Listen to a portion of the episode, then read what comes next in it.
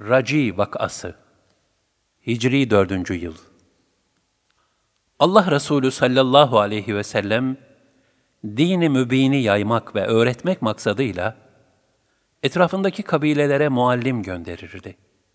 Fakat gönderdiği bazı muallimlere ihanet edilmiştir. Bunlardan biri de Raci vakasıdır.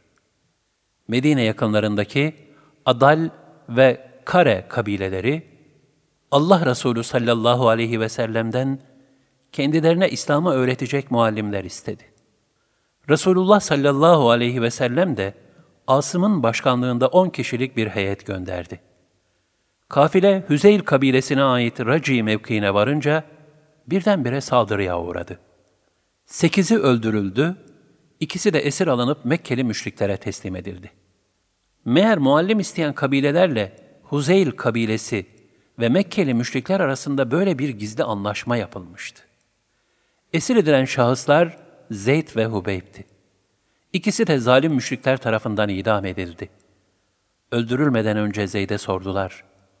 Senin yerinde hayatının kurtulmasına mukabil peygamberinin olmasını ister miydin? Zeyd bu sual üzerine hiç düşünmeden büyük bir cesaret ve vakarla şöyle haykırdı. Asla. Değil onun burada benim yerimde olmasını istemek, şu an bulunduğu Medine-i Münevvere'de mübarek ayaklarına bir dikenin batmasına bile razı olamam.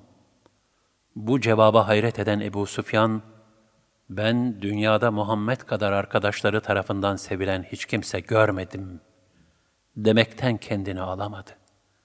Zeyd'den sonra şehit edilen Hubeyb de aynı metanet içindeydi. İdamdan evvel iki rekat namaz kıldı.